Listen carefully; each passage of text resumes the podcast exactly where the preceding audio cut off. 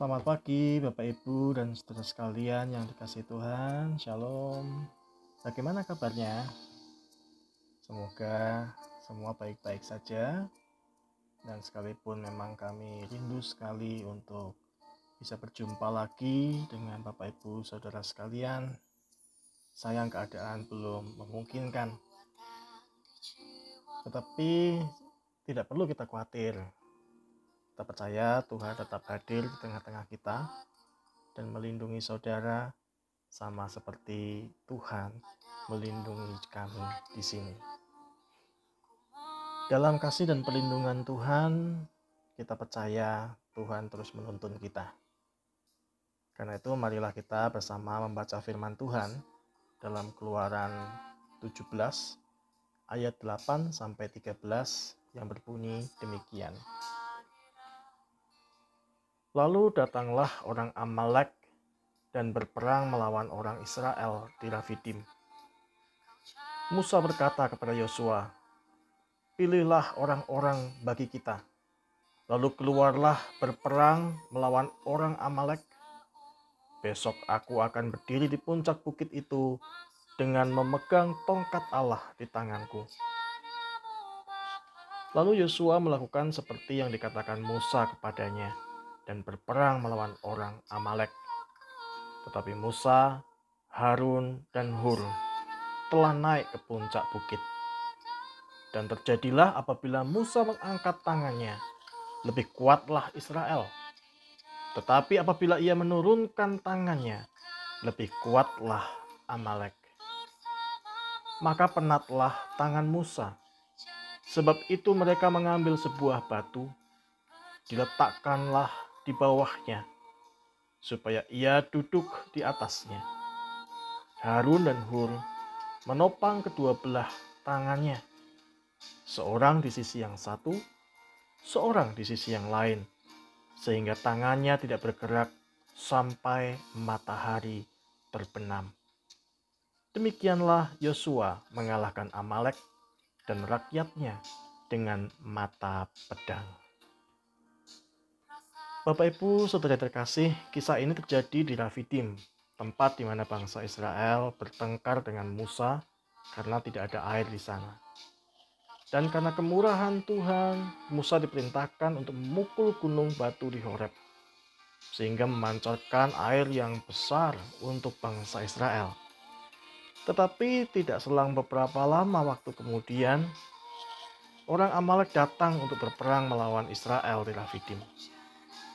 Di dalam peperangan itu, Yosua dan orang-orang pilihan dari bangsa Israel sebenarnya terlihat kalah kuat melawan orang Amalek. Tetapi setiap kali Musa mengangkat tongkatnya di puncak bukit, dikatakan menanglah orang Israel melawan Amalek.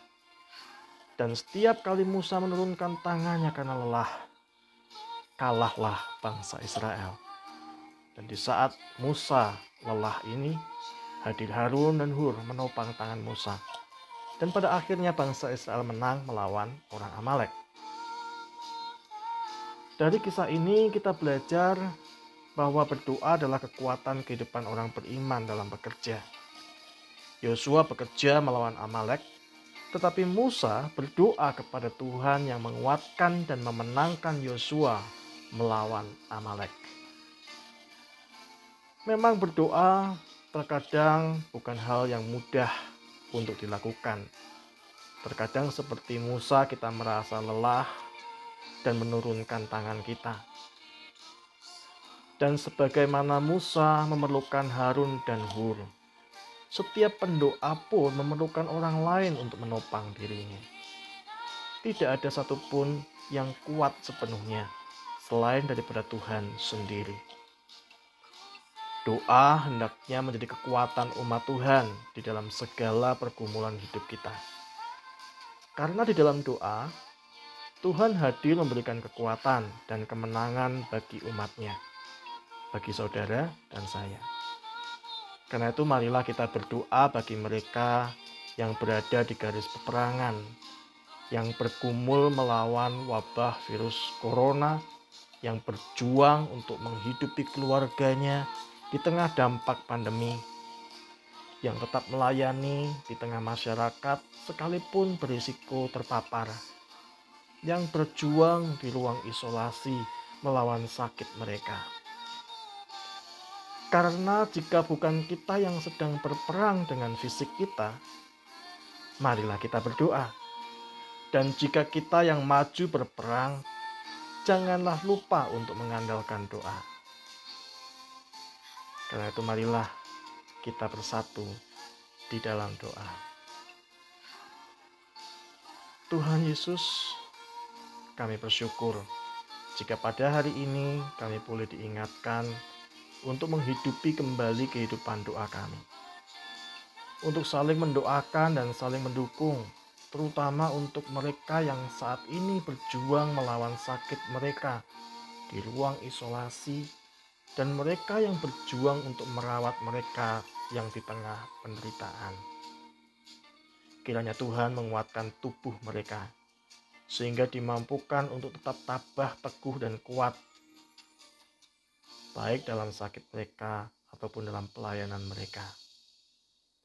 Berkati keluarga yang merindukan mereka, namun harus menahan diri untuk berjumpa. Kami juga berdoa untuk khususnya masyarakat di kota Solo yang tentu terkena dampak pandemi virus corona. Baik secara mental maupun secara ekonomi, kiranya hati nurani mereka tetap boleh terjaga dan dimampukan untuk tetap tenang. Berkati pemerintahan Indonesia agar hikmat dan kebijaksanaan terus dicurahkan Tuhan kepada para pemimpin negeri ini sehingga stabilitas ekonomi dan keamanan di seluruh Indonesia tetap dapat terjaga. Dan pakailah kami ya Tuhan sebagai gerejamu untuk menjadi pendoa dan menjadi pelayan-pelayan Tuhan yang nyata untuk memberitakan kasih dan damai sejahtera Tuhan di mana pun kami berada. Satukanlah hati kami dan kami musrahkan seluruh hidup kami, doa kami, karya kami ke dalam tangan pengasihanmu. Di dalam nama Tuhan Yesus Kristus kami berdoa. Amin.